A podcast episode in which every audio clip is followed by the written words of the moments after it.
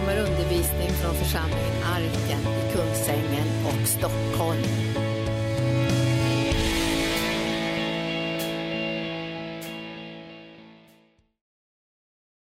Ikväll ska vi tala om eh, livets bröd. För ni som är här eh, ikväll som förebedjare, ni kommer att bryta brödet. Vi bryter brödet. Nu ser vi ju inte det här brödet med våra fysiska ögon, men vi ser det i anden. Du vet lärjungarna tänkte sådär liksom naturligt och mänskligt, för de hade ju sett hur Jesus hade tagit de här få bröden och fiskarna och lyft dem inför Gud och välsignat dem. Och så hade det skett det här fantastiska miraklet att tusentals människor hade fått mat att äta. Det var ett häftigt mirakel, eller hur? Alltså Jesus välsignade några bröd och fiskar. Och igår så läste jag för Efesierbrevet kapitel 1 att i Jesus Kristus är vi välsignade med all den himmelska världens andliga välsignelser. Alltså i Jesus Kristus har vi tillgång till välsignelse. Och det var det som gjorde att Jesus med sån frimodighet kunde lyfta upp några bröd och fiskar och så välsignade dem. För han visste att kommer den här välsignelsen att träffa de här bröden, då kommer alla att äta sig mätta. Men, men när de åkte därifrån, eller en liten stund senare, så säger lärjungarna till Jesus, oj vi glömde ta med oss bröd. Då tänkte de naturligt. Och då säger Jesus här att arbeta inte för det bröd som förgås, utan för det bröd som förbliver och ger evigt liv. För det andliga brödet finns alltid tillgängligt. Det var det som Jesus ville säga. Att börja inte nu och tänk naturligt, utan det andliga brödet finns alltid tillgängligt oavsett vilken livssituation vi står i. Eller vilket läge vi är i livet om vi tror att vi är välsignade.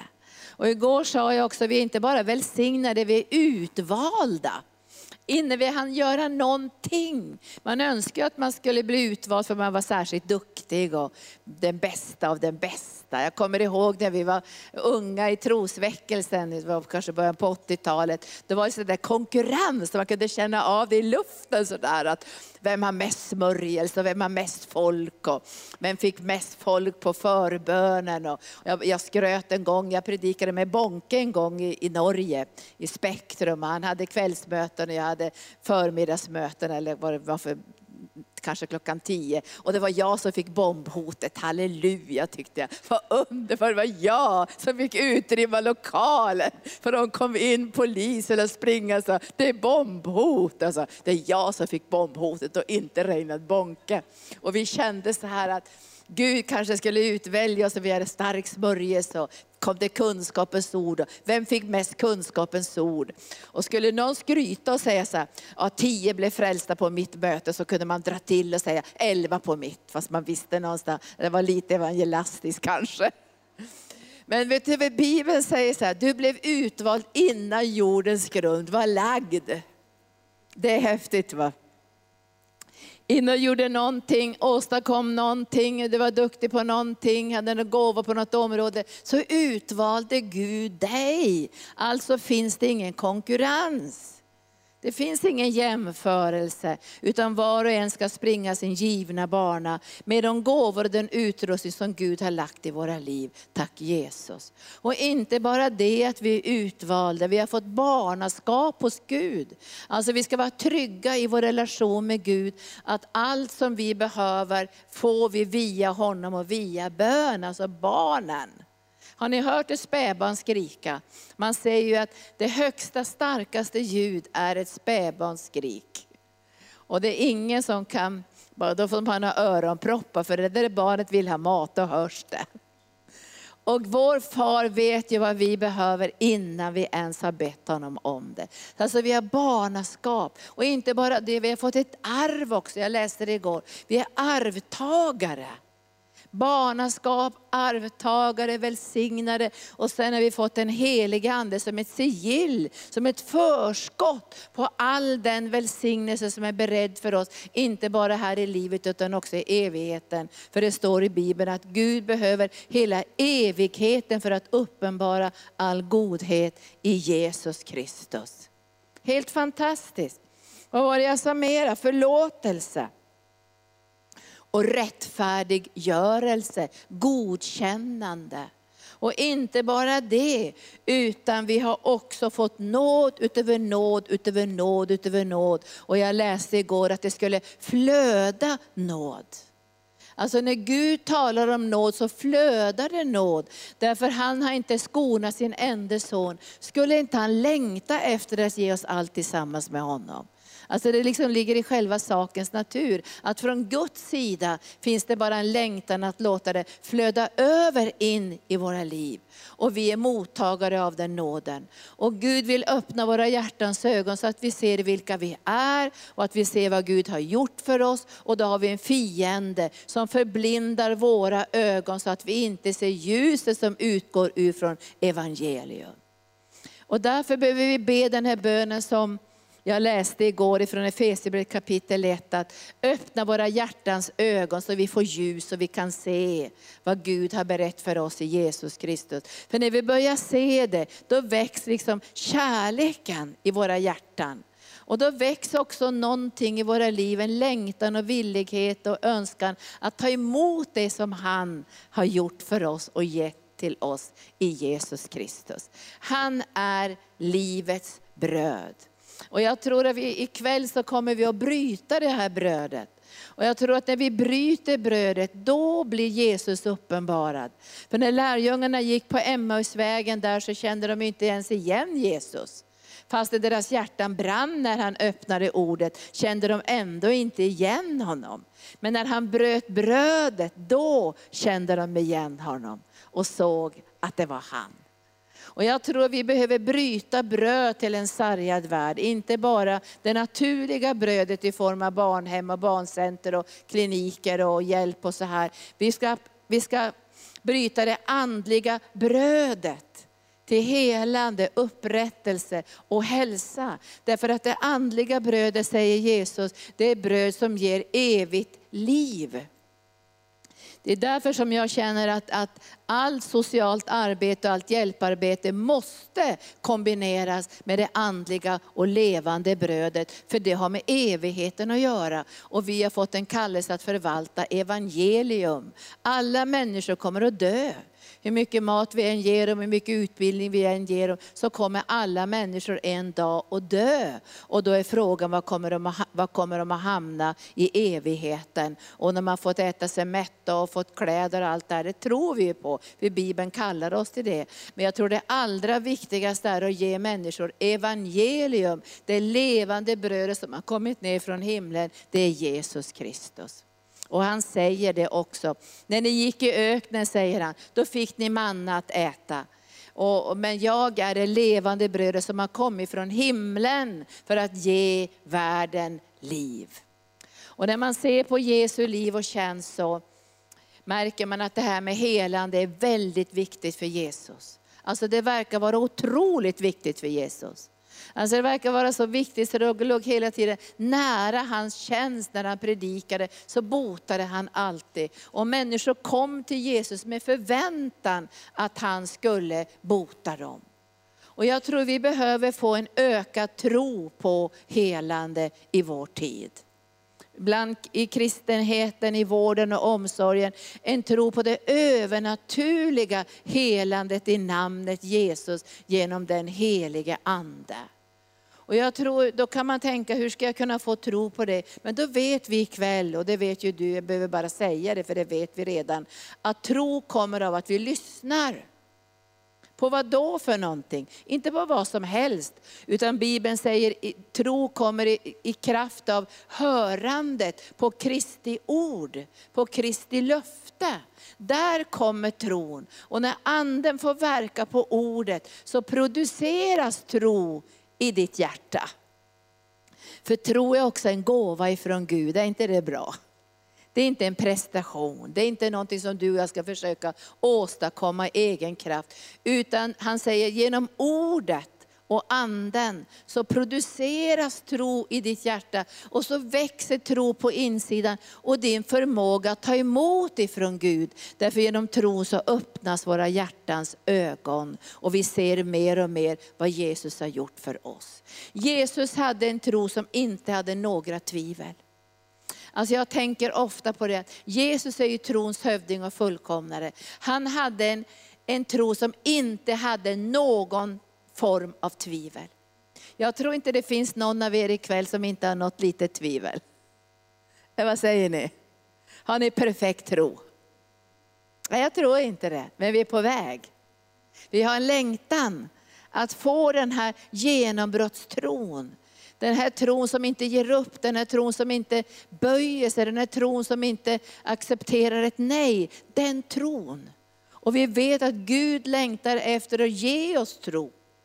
Han längtar efter att vi ska växa i tro. Och då behöver vi ju gå på den väg som han har kallat oss att gå på. Hur kommer tro? Tro kommer genom att lyssna till Guds ord. Och när vi lyssnar på Guds ord, då kommer Guds ande och verkar i ordet och producerar tro.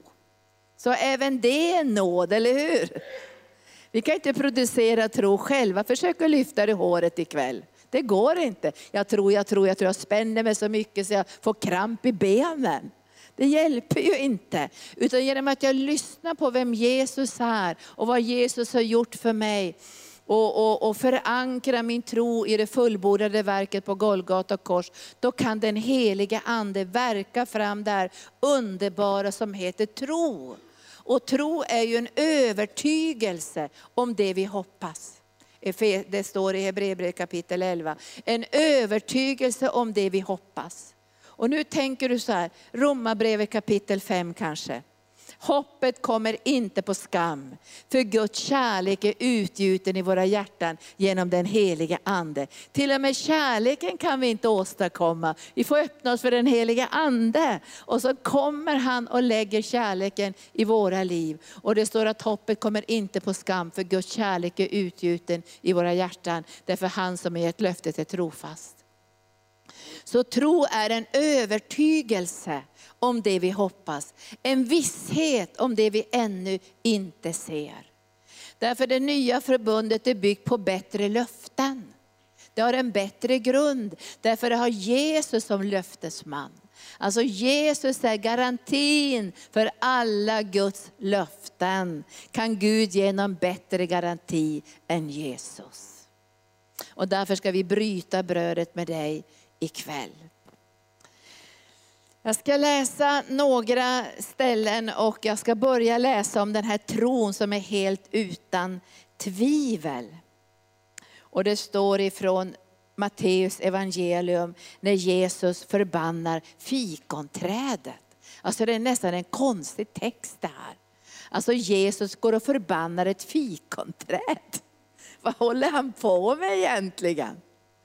Men du vet att det här fikonträdet, det var faktiskt fikonträdets tid. Alltså fikonträdet skulle bära frukt. Och Jesus gick fram till fikonträdet för att hämta frukt från fikonträdet. Men fikonträdet bedrog. Fikonträdet sa någonting annat. Alltså fikonträdet sa, jag bär frukt fast det bar ingen frukt. Det var bara löv. Och det här, Jesus han binder upp och bryter ner och säger ifrån till alla lögner och allt mörker. Och nu ska vi se vad Jesus säger här. I 21 och 18 läser jag. När Jesus tidigt på morgonen var på väg tillbaka till staden blev han hungrig. Och han såg ett fikonträd vid vägen och gick fram till det. Men det fanns inget annat än blad på det. Då sa han, aldrig mer ska det komma frukt från dig och genast vissnade fikonträdet.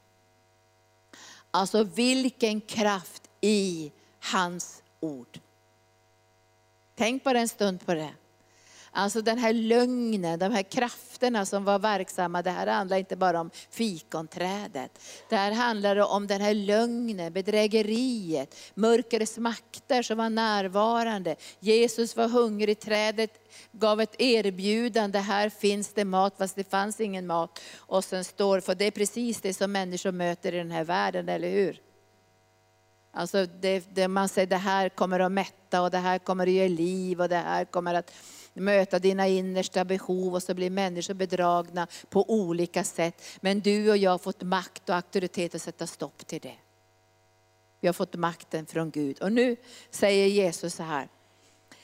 Genast vissnade fikonträdet. När lärjungarna såg det blev de förundrade och frågade, hur kunde fikonträdet vissna så plötsligt?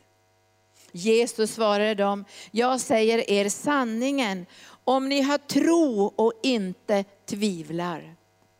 Då ska ni kunna göra så här som jag har gjort med fikonträdet. Och ni ska till och med kunna säga till det här berget, lyft dig och kasta dig i havet och det ska ske. Allt vad ni ber om i er bön skall ni få när ni tror. Nu böjer vi våra hjärtan. Vilket löfte. Allt vad ni ber om i er bön ska ni få när ni tror. Och nu säger vi till dig Jesus, precis som pappa med den fallande sjuka pojken, vi tror, hjälp vår otro. Vi ber att du ska rensa undan all otro från, vår tro. Så all tvivel, all begränsning, all, allt negativt ska rensas undan. Så vi får den här rena, kraftfulla tron. Så vi kan tala till bergen, till omständigheterna, till sjukdomarna, till lögnerna, till bedrägeriet, till alla diagnoser och prognoser. Att de ska vissna ner och dö. Därför du är konungarnas konung och herrarnas herre. Och därför talar vi till all cancer ikväll att den ska vissna i namnet Jesus. Vi talar till all depression i namnet Jesus, att den ska böja sig i namnet Jesus. Vi talar till alla sömnproblem och all ångest, böj dig i namnet Jesus. Vi talar till varje självmordstanke, allt mörker av död och bedrövelse, böj dig i namnet Jesus. Och jag tackar dig här att du rensar undan från vår tro alla tvivel. Allt som begränsar oss, allt som gör att vi ser på omständigheterna och tappar tron. Vi ber det heliga Ande ikväll, resonoria, prendo kairea, att du ska ge oss en övervinnande tro, så vi kan stå i den här yttersta tiden och tala till bergen, inte bara om bergen och omständigheterna och svårigheter, men att tala till bergen, där sjukdomar och mörker och omständigheter ska vissna, för det ska bli en banad väg för dig Jesus. Och jag ber ber helige Ande Sorakiria, Prendo Kaidia, sisi Kaidia, så ber jag dig helige Ande att mina syskon här ikväll ska växa i auktoritet, i medvetenhet, i inre styrka genom tron. Och jag tackar dig Herre, att du låter tron växa ikväll. För du låter din Ande verka i våra hjärtan. För du har sagt att det är större gärningar än du gör ska vi göra, för du går till Fadern. Och när vi frågar dig Jesus, vad ska vi göra, vad ska vi göra? Så säger du, tro på den som han har sänt. Och vi tror inte på vår egen tro, vi tror på dig Jesus. Vi tror på det namn som är över alla andra namn. Vi tror på kraften i ditt ord. När vi talar ut ditt ord, när vi proklamerar ut ditt ord, så verkar din ande tro i våra hjärtan. Och jag ber ikväll att alla tvivel, all förtvivlan, allt det här djupa ångesten ska försvinna i syskons hjärtan och de ska känna att de växer på insidan i tro Herre. Får de bara röra vid din mantelfåll så kommer de att bli helade. Och jag ber dig heliga Ande att du ska bryta ikväll med oss det levande brödet som har kommit ifrån himlen. Så kom heliga Ande och verka en stark, övervinnande och brinnande tro i våra hjärtan. Tack Jesus, tack Jesus. Halleluja.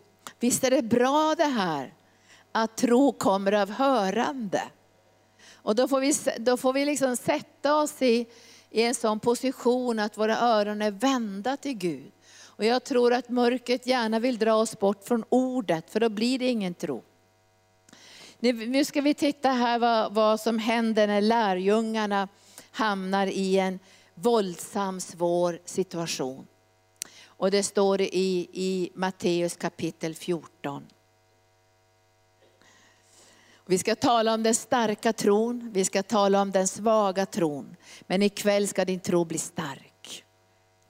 Därför det är Jesus som gör att din tro blir stark. Och här så har Jesus gjort mirakel. Han har han har faktiskt mättat flera tusen människor. Han har skickat iväg sina lärjungar. Och nu har han stannat på berget för att själv be. Men när han tittar ner mot vattnet så ser han att det stormar på ganska rejält. Och så har han ju ingen båt utan de hade tagit båten. Så Jesus passar på att gå på vattnet. Jag tycker det är så häftigt alltså. Jag tänker så här, hur kunde han gå ner där på vattnet i de där jättevågorna? Så bara knallar han iväg där. Och sen får lärjungarna syn på honom ganska långt ifrån och de blir jätterädda för de tror att det är ett spöke. Och det står så här, de skriker av rädsla. Det är ett spöke. Men vers 27 så står det 14.7, men genast sa Jesus till dem, var lugna, det är jag, var inte rädda. Hur många gånger får Jesus säga, det är jag, var inte rädda. Det är för vi glömmer bort att han är där. Och han går genom varje storm och han bryr sig inte om hur höga vågorna är och omständigheterna är. Vi tänker ibland så här, om det är jättesmå vågor då går det att gå på vattnet. Men det går inte att gå på vattnet vare sig det är höga eller små vågor. Det fungerar inte, man kan inte gå på vattnet. Man kan bara gå på ordet, men man kan aldrig gå på vattnet. Petrus gick inte på vattnet, han gick på ordet. Ett enda ord och så gick han på det. Ett enda ord. För det var kraft i ordet. Men Petrus säger så här, om det är du som befall mig att komma till dig på vattnet. Han sa, kom, det var ordet, kom. Och Petrus steg ur båten och gick på vattnet fram till Jesus. Men när han såg hur stark vinden var blev han rädd. Och jag tror många gånger när vi liksom ser på omständigheterna eller vi hör fel saker. Alltså vi måste höra från himlen. Vi hör ju hela tiden olika saker, prognoser, diagnoser och sjukdomar och, och alla omständigheter och klimat, klimatförändringarna och globala kriser och det ena och det andra. Vi hör ju hela tiden saker, eller hur? Och jag tror att vågorna kommer att bli högre. Jag tror inte att vågorna kommer att bli mindre. Jag tror vi går in i en tid när vågorna kommer att bli högre och vi kommer att få otroliga utmaningar. I Nepal så är det ju så strikta lagar nu att, att eh, man kan få fem års fängelse för ganska små saker när man predikar evangelium. Vi ser i Ryssland också på andra ställen hur det hårdnar runt de troende ut över världen. Så jag tror inte att vågorna kommer att bli mindre, men jag tror vågorna kommer att bli högre. Och därför behöver du och jag en starkare tro. Alltså en starkare tro som klarar av att det ibland blir tyst. Eller att vi klarar av att vi ibland blir avvisade. Vi talar inte av Gud men av människor. Alltså vi måste klara av det. Alltså det här att man avvisar Guds ord och förringar Guds ord och föraktar Guds ord. Vi ska titta på det ikväll. Och vi ska ropa till himlens Gud och vi ska få en växande stark tro. Vet du, det är jättelätt att tala om bergen. Vi kan sitta här ikväll och tala om bergen. Jag har varit diakonissa, jag har suttit och talat om bergen med alla sjuka. Jag, jag, är, inte, jag är inte negativ, jag är inte hård. Men, men ibland så är det lättare att tala om bergen än till bergen. Nu är vi ärliga va? Mycket, mycket lättare. Och jag, när jag var ung diakonist, jag hade bara varit i tjänst kanske några månader och gick hem till, ja, mitt, mitt uppdrag var döende människor, sjuka människor. Och, människor som var i svåra livssituationer. Så satt vi och pratade om bergen. Vi kunde sitta nästan en timme och höra alla mediciner, alla prognoser, alla diagnoser, allt, allt som var jättesvårt. Och jag, jag kunde känna ibland att jag fick på mig det där. Alltså när jag hade lyssnat en timme så, jag, jag kommer ihåg, jag var, eh, det var så jobbigt så att jag tänkte, jag kan inte gå på hembesök, jag kommer att få alla sjukdomar. För jag kände när jag lämnade människor, ja men jag har nog också hjärtinfarkt. Jag har fått jag nästan börjat halta för jag hade lyssnat på så mycket problem och artros och reumatismen och sjukdomar. Så jag tyckte jag fick på mig det där. För jag hade inte lärt mig något om vapenrustningen, hur jag skulle liksom hålla ifrån mig sånt. Jag fick på mig sjukdomarna. Och jag, inte så att jag blev sjuk, men jag kände som av trycket av sjukdomarna. Och jag kommer ihåg att jag sa så här till många sjuka som jag sen gick hem till, att jag lyssnar gärna på sjukdomarna under en stund. Då, men kan jag få fem minuter att säga något om Jesus innan vi skiljs åt. Men det var trögt ibland. Därför det var lättare att tala om bergen än till bergen. Och jag kommer ihåg att jag, ibland när jag gick på hembesök så stannade jag bakom dörren och bad om blodets beskydd. Jag sa, jag vill inte få på mig någonting idag. Jag vill inte få på mig det här i tankarna och sinnet och fruktan. För det var inte lätt att möta människor som skulle dö de öppnade sin, sin morgonrock och visade hur de har opererat bort båda brösten och berättade att nu har prognosen kommit på posten och jag har bara några veckor kvar att leva. Det var inte lätt att höra på sånt. Och jag kände att jag sjönk och jag sjönk och jag sjönk och jag sjönk. Och jag sjönk och ibland sjönk jag så djupt så jag tänkte, det finns inget helande hos Jesus Kristus. Det, det, det är lika bra att vi bara accepterar att det är bara nöd och bedrövelse. Kanske någon får någon medicin och mår lite bättre tills jag börjar förstå lite längre fram att jag ska tala till bergen och inte om bergen. Men det är en utmaning att tala till bergen. Och när Jesus nu möter, Petrus går ju ut på vattnet, men när, när vinden blir stark så blev han rädd. Alltså då kände han den där fruktan som kom. Och då hände det någonting. När fruktan kom började han att sjunka. Har ni känt det någon gång? Alltså när, när, man börjar höra negativa saker och när det här förstoras upp så kommer fruktan och då börjar man sjunka. Men då är det jättebra att veta ikväll att Jesus är där. Alltså han, jag är, säger han ju. Och när Petrus börjar sjunka, jag har aldrig sett någon som har börjat sjunka i hela mitt liv. Har du det? Det går inte att börja sjunka. Det går bara på ett andligt sätt att börja sjunka. Men om du, om du försöker ställa dig på vattnet i simbassängen så börjar du inte sjunka, det säger bara plask så är du sjunken. Därför att det här handlar om andliga sanningar. Det här är andliga sanningar. När, när vi ser på omständigheterna så händer det någonting, fruktan kommer in i våra liv och så börjar vi sjunka. Och då är det jätteviktigt att vi gör som Petrus här. Han säger Herre, hjälp mig. Herre hjälp mig. Jesus är alltid nära och han längtar efter att vår tro ska växa. Han längtar efter att resa oss upp, han längtar efter att stärka oss, han längtar att göra oss till övervinnare, han längtar efter att göra oss till segrare, han längtar oss till att göra oss till huvud och inte svans. Vi, Gud är på vår sida. Han kommer inte att inventera tron och säga, aha det var en dålig tro du hade. Mm, mm, mm. Vi har trott att Gud är på det sättet. Att om någon är sjuk, ja det var en väldigt dålig tro det där och så ska vi anklaga dem och så ska de anklaga sig själva och så ska de lyfta sig i håret. Utan vi måste säga, Gud är på vår sida. Och han längtar efter att vi ska få del av hans tro. För han är trons hövding och fullkomnare. Och han är inte där för att bedöma tron och göra trosinventering och, och, och liksom anklaga oss. Han är där för att lyfta upp oss och ge oss en förtröstan in i våra liv. Vad än som kommer i vår väg så är han där. Och även om du börjar sjunka så kommer han lyfta upp dig. Tack Jesus. Det är vår Gud det där. Och därför är vi frimodiga i, i vår tro och vi tar våra trosteg och vi litar på Jesus och vi ger inte upp. Men nu säger han så här, genast räckte Jesus ut handen och grepp tag i honom och så säger han, vad lite tro du har. Varför tvivlar du? Och det kan faktiskt Jesus säga ibland, vad lite tro du har. Och det är inte en anklagelse, utan det är en längtan från hans hjärta att du och jag ska få den här övervinnande och starka tron som den här världen behöver. Den här världen behöver din och min tro. Det kände jag när jag stod i Nepal och Indien. Den här världen behöver, behöver tro. Och jag måste få tro i mitt hjärta för att kunna ge den här tron vidare. Det måste kännas att det förankras i mitt innersta. Ibland känner jag så att det är jobbigt när man inte har täckning. Har du känt så någon gång?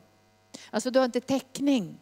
Du liksom säger alla möjliga härliga saker och halleluja, och Jesus segrar och det kommer att gå jättebra. Men du känner att du har ingen täckning på insidan. Tro är täckning på insidan. Mer och mer täckning på insidan. Därför att du är övertygad om att han som bor i dig och finns vid din sida kommer aldrig att lämna dig och överge dig oavsett hur din livssituation ser ut. Tack Jesus. Och nu ska vi gå till den här häftiga, underbara texten som jag ska predika lite från ikväll. Matteus 15 och 21.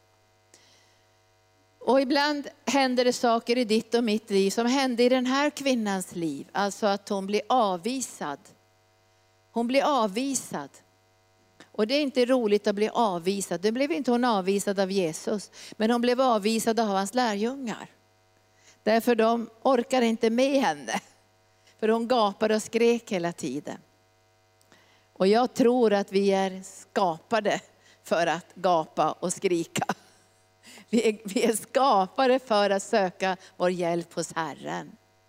Och ibland så, så kan det vara så att det, det blir en, en avvisande atmosfär där människor skäms för att ta emot helande. De skäms för att gå fram en gång till. De skäms för att komma på mötena när de är sjuka. Och jag, jag, jag tror att det, den där avvisande, bedömande, negativa atmosfären ska inte finnas i Guds församling. Du får gå fram för 51 gången och vi glädjer oss över det. Därför då säger du någonting med ditt liv. Jesus är min läkare, jag tänker inte ge upp, halleluja. Men har inte du gått fram tio gånger redan innan? Ja men nu går du fram för elfte gången, tack Jesus. Har inte du doppat dig fem gånger i den heliga ande inte blivit helad. Ja men då doppar jag mig sjätte gången, halleluja. För jag vet att han som är på min sida kommer att hjälpa mig. Och vi ska skapa den här atmosfären i den heliga ande där det blir inbjudande för människor att kunna få komma gång på gång och ta emot ifrån Jesus. Eller vad säger ni om det? Alltså jag längtar efter att det ska vara en sån atmosfär, inte bedömande, inte anklagande, inte alltså man stöter bort varandra för att inte helandet har skett. Utan vi går gång på gång på gång med en visshet i våra hjärtan. Gud är på vår sida och vår tro kommer att bli starkare och starkare för varje gång vi närmar oss Jesus. Jag ska säga dig, din tro kommer inte att bli svagare för att du kommer igen till Jesus. Din tro kommer att bli starkare. Och den här kvinnan, hon, hon eh, var kananeisk kvinna, hon, kom, hon tillhörde inte det judiska folket och vi vet ju att Jesus kom till judarna men efter korset skulle evangelium nå ut till alla människor. Men den här kvinnan, hon, hon måste ha hört eller fått något vittnesbörd eller någon hade nog sagt till henne att Jesus var full av barmhärtighet. För många gånger så ropar ju människor så här, Davids son, förbarma dig över mig. Kan hända hon hade hört just det där uttrycket eller så hade någon vittnat för henne om helande. Men i alla fall så var hon otroligt frimodig. Hon kommer till Jesus och så står det så här att hon ropar, Herre Davids son, förbarma dig över mig, min dotter är svårt besatt. Men han svarade henne inte med ett ord. Där hade väl du och jag gått hem. Det är, det är tyst. Vet du, ibland så kan det vara tyst. Jag tycker inte om när det är tyst. Men ibland är det tyst. Därför ibland så, så är det så att Gud prövar våra hjärtan. Så han prövar våra hjärtan. För han vill någonting som går lite djupare än bara att det blir liksom en enarvad bandit i det här helandet. Utan han vill ha våra hjärtan, vår överlåtelse och vår kärlek. Och så finns det ett test. Så när det blir tyst i ditt liv betyder det inte att Gud har övergivit dig. Det betyder inte att han inte kommer att hela dig. Det betyder inte att han inte bryr sig om dig. Ibland när det blir tyst i våra liv så finns det ett djupare syfte. En djupare så att säga, beröring i våra liv. Och det här behövde ju också Naman i Bibeln. För det var väl liksom bortkastad tid att gå ner i jordens vatten och klä av sig och, och doppa stoppa sig där. Men du vet att den här Naman var tvungen att klä av sig sitt högmod. Det var inte kläderna han klädde av sig, det var sitt högmod han klädde av sig. Och det är ganska pinsamt att klä av sig högmodet. Och man tycker ibland att Jesus, du borde väl göra saker så det inte syns i det offentliga rummet. Men nästan allt som Jesus gjorde var, var faktiskt i det offentliga rummet. Och när man väl har skämt ut sig en gång så är ändå allting över, eller hur? Jag menar om man nu rullar på golvet och mascaran rinner och man skriker och man ropar och man skakar under Guds kraft. Då kan man tänka, ja nu är det kört ändå. Nu är det kört ändå. Och så att han fick klä av sig någonting annat. Alltså ibland känner jag när Gud tystnar så kan det hända att han vill klä av dig någonting annat. För Naman hade ju tänkt så här, så här ska Gud göra, nu bestämmer jag precis hur det ska gå till. Han bestämmer så här ska det gå till, han ska ta handen fram och tillbaka på min kropp. Och sen ska jag bli fullständigt helad. Och sen betalar jag och åker hem. Ganska smart va? Men du vet att Gud han vill ha någonting djupare. Och när han kom dit till den här profeten så kom inte han ens ut. Fy vad jobbigt alltså. Han var ju van att bli värderad och uppskattad och han hade med sig massor med presenter och ett, eh, en tonnage fullt med folk som hade följt honom. Och så kom inte ens profeten ut. Skicka bara en tjänare och säger så här, ja du får ett råd här från profeten. Du ska gå till Jordans vatten, grumligt och smutsigt vatten. Ni vet det var ganska grumligt vatten på den tiden. Och så ska du doppa det sju gånger och så ska du bli helad. Han blir på dåligt humör. Så alltså, aldrig i livet jag går och doppar smutsiga vatten. Jag har bättre floder hemma. Men han skulle inte klä av sig sin sjukdom i första hand. Han skulle klä av sig sitt högmod. Och ibland tystnar Gud. Det betyder inte att han inte bryr sig om dig. Det betyder inte att han har glömt bort dig. Det, det är någonting som måste hända i våra hjärtan i den tystnaden. Och jag vet inte så många bibelställen om tystnaden mer än att han tiger stilla i sin kärlek. För han vill komma åt någonting i våra liv. Och jag tror att han var mera ute efter att få Naman frälst än Naman helad. För när Naman får stå där inför sina medarbetare och hans medarbetare säger, om profeten hade bett dig göra någonting svårt, då hade du gjort det. Men nu bad han dig göra någonting enkelt och då vill du inte göra det. Och det här med nåden är någonting enkelt, det är någonting som vi tar emot på grund av att det är Guds gåva. Vi vill gärna göra någonting för att kunna liksom känna att nu har vi gjort någonting och vi är värdiga det här. Men det är inte så det fungerar. Och jag tror att när han doppade sig, kanske på femte eller sjätte gången, så tittade inte han om han hade blivit helad. För det hade hänt någonting i hans hjärta. Och man kan läsa om det här sen i Bibeln att när Naman kommer tillbaka till profeten så säger han, jag vill bara ha en enda sak med mig på vägen hem till mitt land och det är jord. Jag måste få med mig en säck jord. För jag kommer aldrig mer att böja mig för någon annan Gud än Herrens Gud i Israel. Det hade hänt någonting i hans hjärta. Och jag tycker att det, det, det är jobbigt är att Jesus inte svarar med ett enda ord. Men han måste ändå ha svarat någonting med sin kärlek för hon ger inte upp. Och så står det här att lärjungarna går fram till Jesus och säger till Jesus, skicka iväg henne. Hon går ju bakom oss och ropar, hon är döjobbig. Skulle nog lärjungarna ha sagt alltså. Ibland är man jobbig när man är sjuk. Är du jobbig när du är sjuk? Man kan bli lite jobbig när man mår dåligt, när man har psykisk ohälsa, när man är på väg att bli utbränd och reptilhjärnan kommer igång. Och man är på dåligt humör och man är irriterad, man är arg på alla, man, eh, man är sjuk och man tjatar och man är jobbig. Då kan man säga, få tyst på dem där. Och jag vet ju sammanhang som säger, men vi vill inte ha några sjuka människor hos oss, för de är bara jobbiga. Så kan det ju vara också.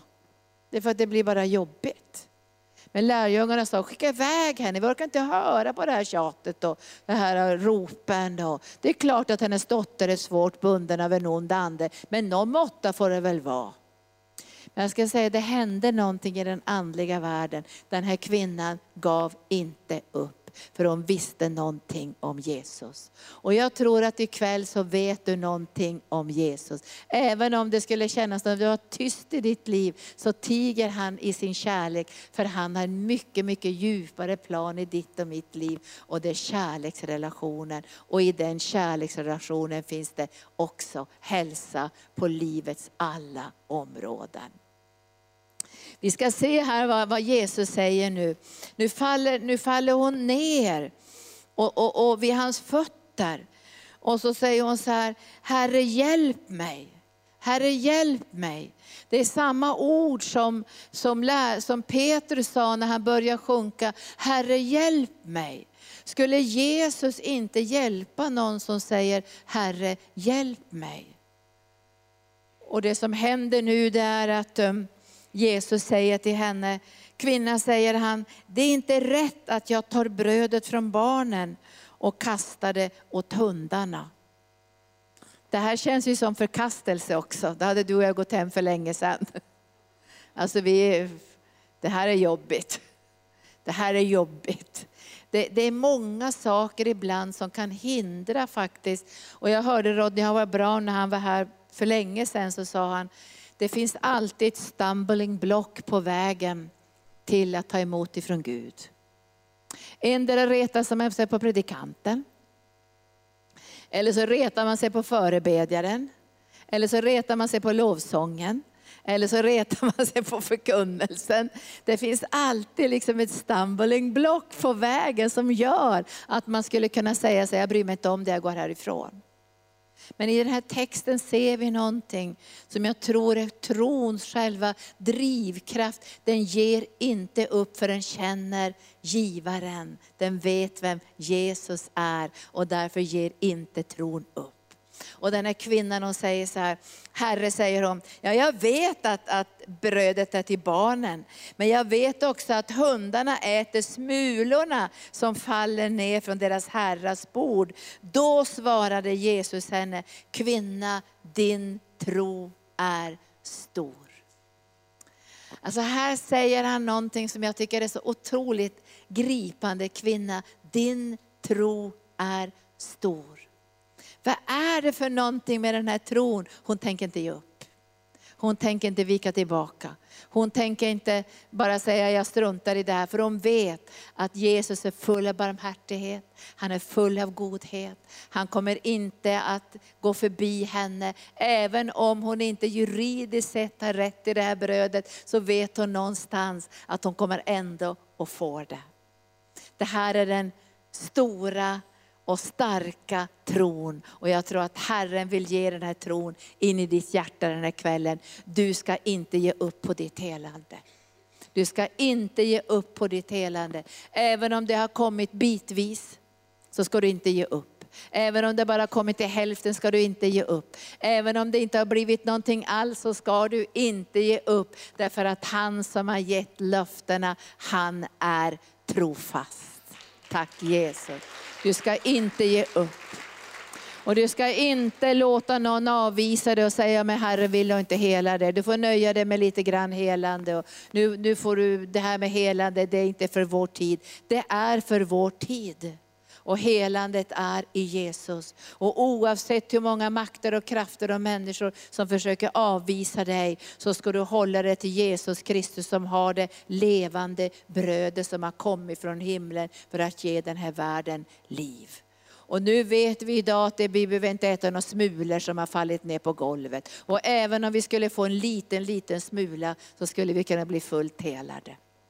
En liten minismula fick den här mamman till sin dotter som var bunden av en ond ande och flickan blev fullständigt helad. Och du och jag, vi vet att Jesus bryter brödet idag och det finns ingen begränsning i det här brödet. Han längtar efter att du och jag ska få dela det levande brödet. Han är på vår sida och han skäms inte om du ropar, Herre hjälp mig. Därför han längtar efter att du ska ta de här stegen. Att du inte ska ge upp. Att du ska hålla fast vid hans löfte. Och det kommer att bryta igenom. För Bibeln säger om tro och uthållighet ska du få vad utlovat är. Och nu ska jag avsluta ikväll med två bibelställen om Guds trofasthet. Jag ska läsa först i 8 och 6 i Hebreerbrevet 8 och 6. Men nu har Kristus ett högre prästämbete, liksom han också är medlare för ett bättre förbund som är grundat på bättre löften. För om det första förbundet hade varit utan brist skulle det inte behövas ett andra. Och sen säger han i Hebreerbrevet 10 och 22. Låt oss därför gå fram med ärligt hjärta i trons fulla visshet, med hjärtat renat från ett ont samvete och med kroppen badad i rent, rent vatten. Låt oss orubbligt hålla fast vid hoppets bekännelse, för han som har gett oss löftet, han är trofast. Låt oss orubbligt hålla fast vid hoppets bekännelse. Och även om det skulle kännas tyst och du skulle känna dig avvisad eller få några konstiga känslor att Gud inte bryr sig om dig. Tro inte på det, Gud är på din sida. Tack Jesus, Gud är på din sida. Ibland bryter inte helandet fram på en gång. Ibland bryter, tar det lite tid innan helandet kommer och jag vet inte vad det kan bero på. Till och med för Jesus tog det lite tid när han skulle be för den blinde mannen. Och jag tänker ofta på den här situationen med den blinde mannen, för du och jag hade säkert inte varit ärliga där. För om Jesus kom hit fysiskt ikväll, la händerna på dig och så frågar han, nå har det blivit bättre? Då kanske du säger, ja det känns jättebra. Allt är okej. Okay. Därför du skulle inte våga säga till Jesus att det var halvdant. Nej, eller hur? Till Jesus. Men Jesus frågar den här mannen, men hur är det nu? Ser du bra? Jesus hade lagt handen på dem och löst smörjelsen. Så han frågar mannen, ser du bra nu? Och mannen är otroligt ärlig i sin livssituation och säger, Ja, säger den här mannen, jag ser ju människor men de är som träd. Då säger inte Jesus till honom, du får nöja dig med ett halvt helande. Han säger inte det.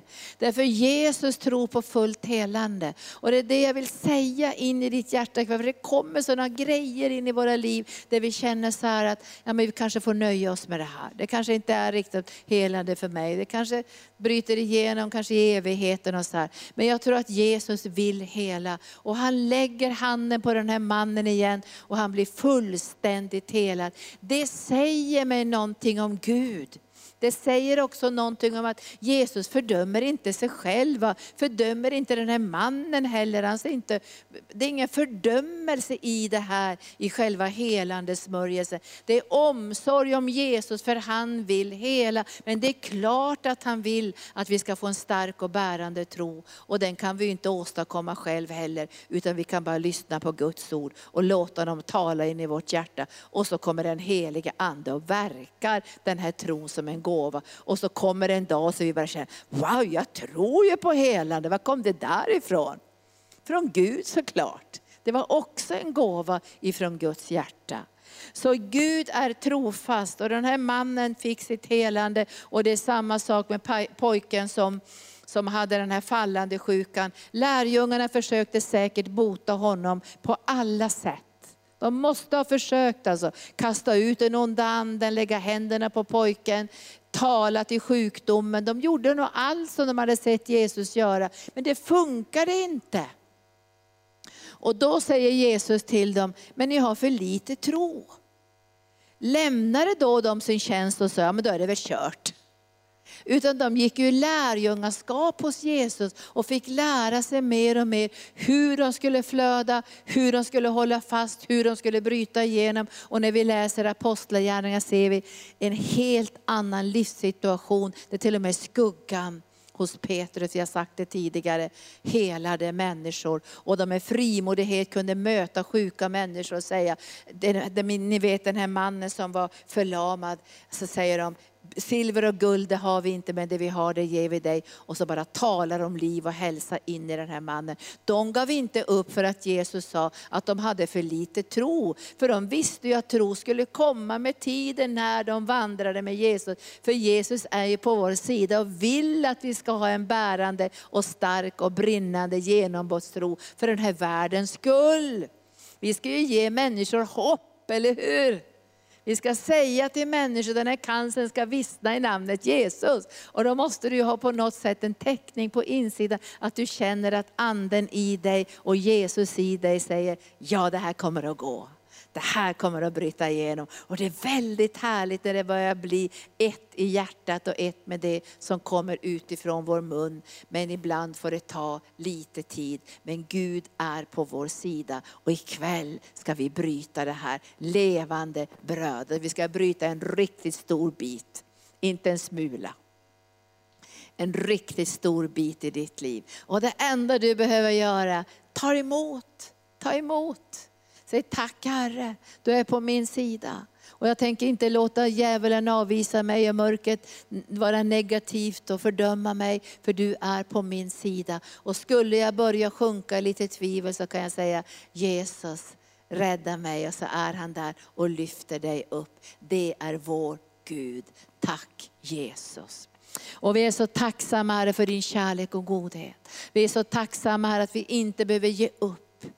Vi vet här att du är på vår sida och helande är din vilja. Det är din önskan, det är ditt beslut där du dog på Golgata kors att bära alla våra sjukdomar. Och därför kommer vi inte att böja oss och ge upp även om det är motstånd och även om vi känner att det, det finns en tystnad och vi tänker Jesus tala in i mitt liv, förklara varför det är på det här sättet. Och så finns det en kärlekens tystnad för du vill gå på djupet. Och är det någonting som du vill klä av oss Herre, något i våra liv, så är vi villiga det Herre. Vi vill det också Herre, för vi vill ha en bärande, stark genombrottstro. Så kom nu heliga Ande och tvätta bort alla tvivel. Finns det några tvivel Herre så vet vi att du är mäktig och tvätta bort tvivlen. Rensa undan tvivlen. För vi önskar att få den här tron så vi kan tala till bergen, så vi kan tala till fikon, fikonträdets rötter, så vi kan använda binde och lösenyckel med tillförsikt så demoner får böja sig och sjukdomar får böja sig. För vi vet om här att vi kan inte ge människor helande i egen kraft, men vi kan bryta det himmelska brödet. För du har sagt Herre, Johannes evangelium kapitel 6, att du är det levande brödet som har kommit från himlen för att ge den här världen liv. Och jag tackar dig Gud för den här kvällen, att vi får bryta det här brödet med våra älskade syskon och servera det här levande brödet in i deras liv. Och de ska veta att du aldrig kommer att överge dem, du kommer aldrig lämna dem, du kommer aldrig svika dem. Och även om de får doppa sig fem gånger eller sju gånger, så finns det ett djupare syfte, att din kärlek ska kunna träffa våra hjärtan mer och mer och mer. För vi ska betjäna en döende värld. Vi ska betjäna människor som inte har något hopp. Vi ska betjäna människor som är bundna och plågade. Och därför vill du doppa oss gång på gång på gång i ditt kärleksvatten. För att vår tro ska grundas på insidan, inte bara ett lösrökt bibelställe, utan i själva hjärtat, ditt eget hjärta Jesus. Där ska vår tro förankras i ditt hjärta. Och det är den tron som vi kan ge vidare till de sargade och till de plågade, för vi har mött dig själv som Herren vår läkare. Och jag prisar dig Herre. Och jag tackar dig Gud för att den här kvinnan finns med i Bibeln som inte gav upp. Och jag tackar dig Jesus för att du gjorde det möjligt för henne att få tag på den här smulan som hade fallit ner. Och jag vet ikväll finns det inga smulor. Det finns det stora, underbara, gräddade brödet som har kommit ifrån himlen. Där helande för kroppen och helande för själen ska serveras under den här kvällen. Kom helige Ande. Och nu ska vi be lovsångarna komma upp och så ska vi se, han dukar ett bord i fiendernas åsyn. Är inte det bra?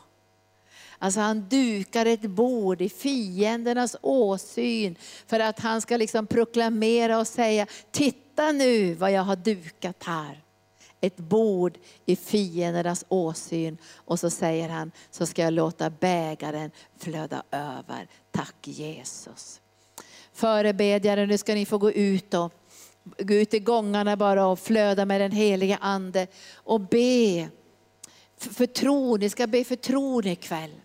Att, det ska, att om det finns tvivel eller ångest eller fruktan eller, eller oro i din tro så ska den få vika undan ikväll. För Gud är på din sida. Han vet det här och vi får säga som den här pappan, jag tror, hjälp min otro. Och då kommer Gud inte att hindras eh, att verka i ditt liv. Men han längtar efter att rensa undan all otro du kanske har fått genom förkunnelse.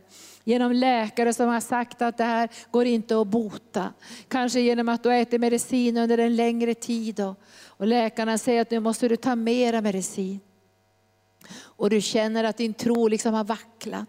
Och du har känt som Petrus, jag gick ut på ditt ord Herre, men nu så är det som att jag sjunker lite grann. Jesus är här och han lägger sin hand på dig ikväll. Och du känner att din tro den får ny kraft, den får ny energi, den får ny förmåga, den får ny gripkraft. Jag ser i anden att din tro får gripkraft. Den kan gripa tag om Guds löften. Och den är förlamade känslan i din tro, den viker nu i namnet Jesus. Den är förlamade känslan, kommer jag få någonting från Jesus? Och Herren rör vid din tro ikväll. Och han rör vid ditt innersta ikväll.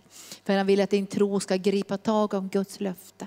Och jag ser att omständigheter och felaktig förkunnelse och svårigheter har liksom stulit den här gripkraften i tron. Men ikväll, ikväll så kommer den heliga ande och din tro kommer att få kraft att kunna gripa tag om Herrens löfte. Och du låter ingenting hindra dig när ingenting ska hindra dig. Inte människornas rop och skrik och inte otrosmänniskorna och inte omständigheterna. Och om vågorna är tio meter höga så kommer det inte hindra dig för du ser Jesus. Och han viftar med handen och han vinkar med handen och säger kom på mitt ord, kom på mitt ord. Jag ska inte svika dig, jag ska inte lämna dig. Kom helige ande. Och så verkar du tron ikväll.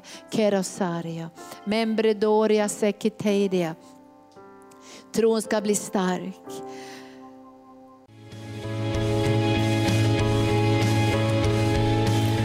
Tack för att du har lyssnat. Vill du få del av mer information om församlingen Arken, vår helande tjänst, bibelskola och övriga arbete, gå in på www.arken.org.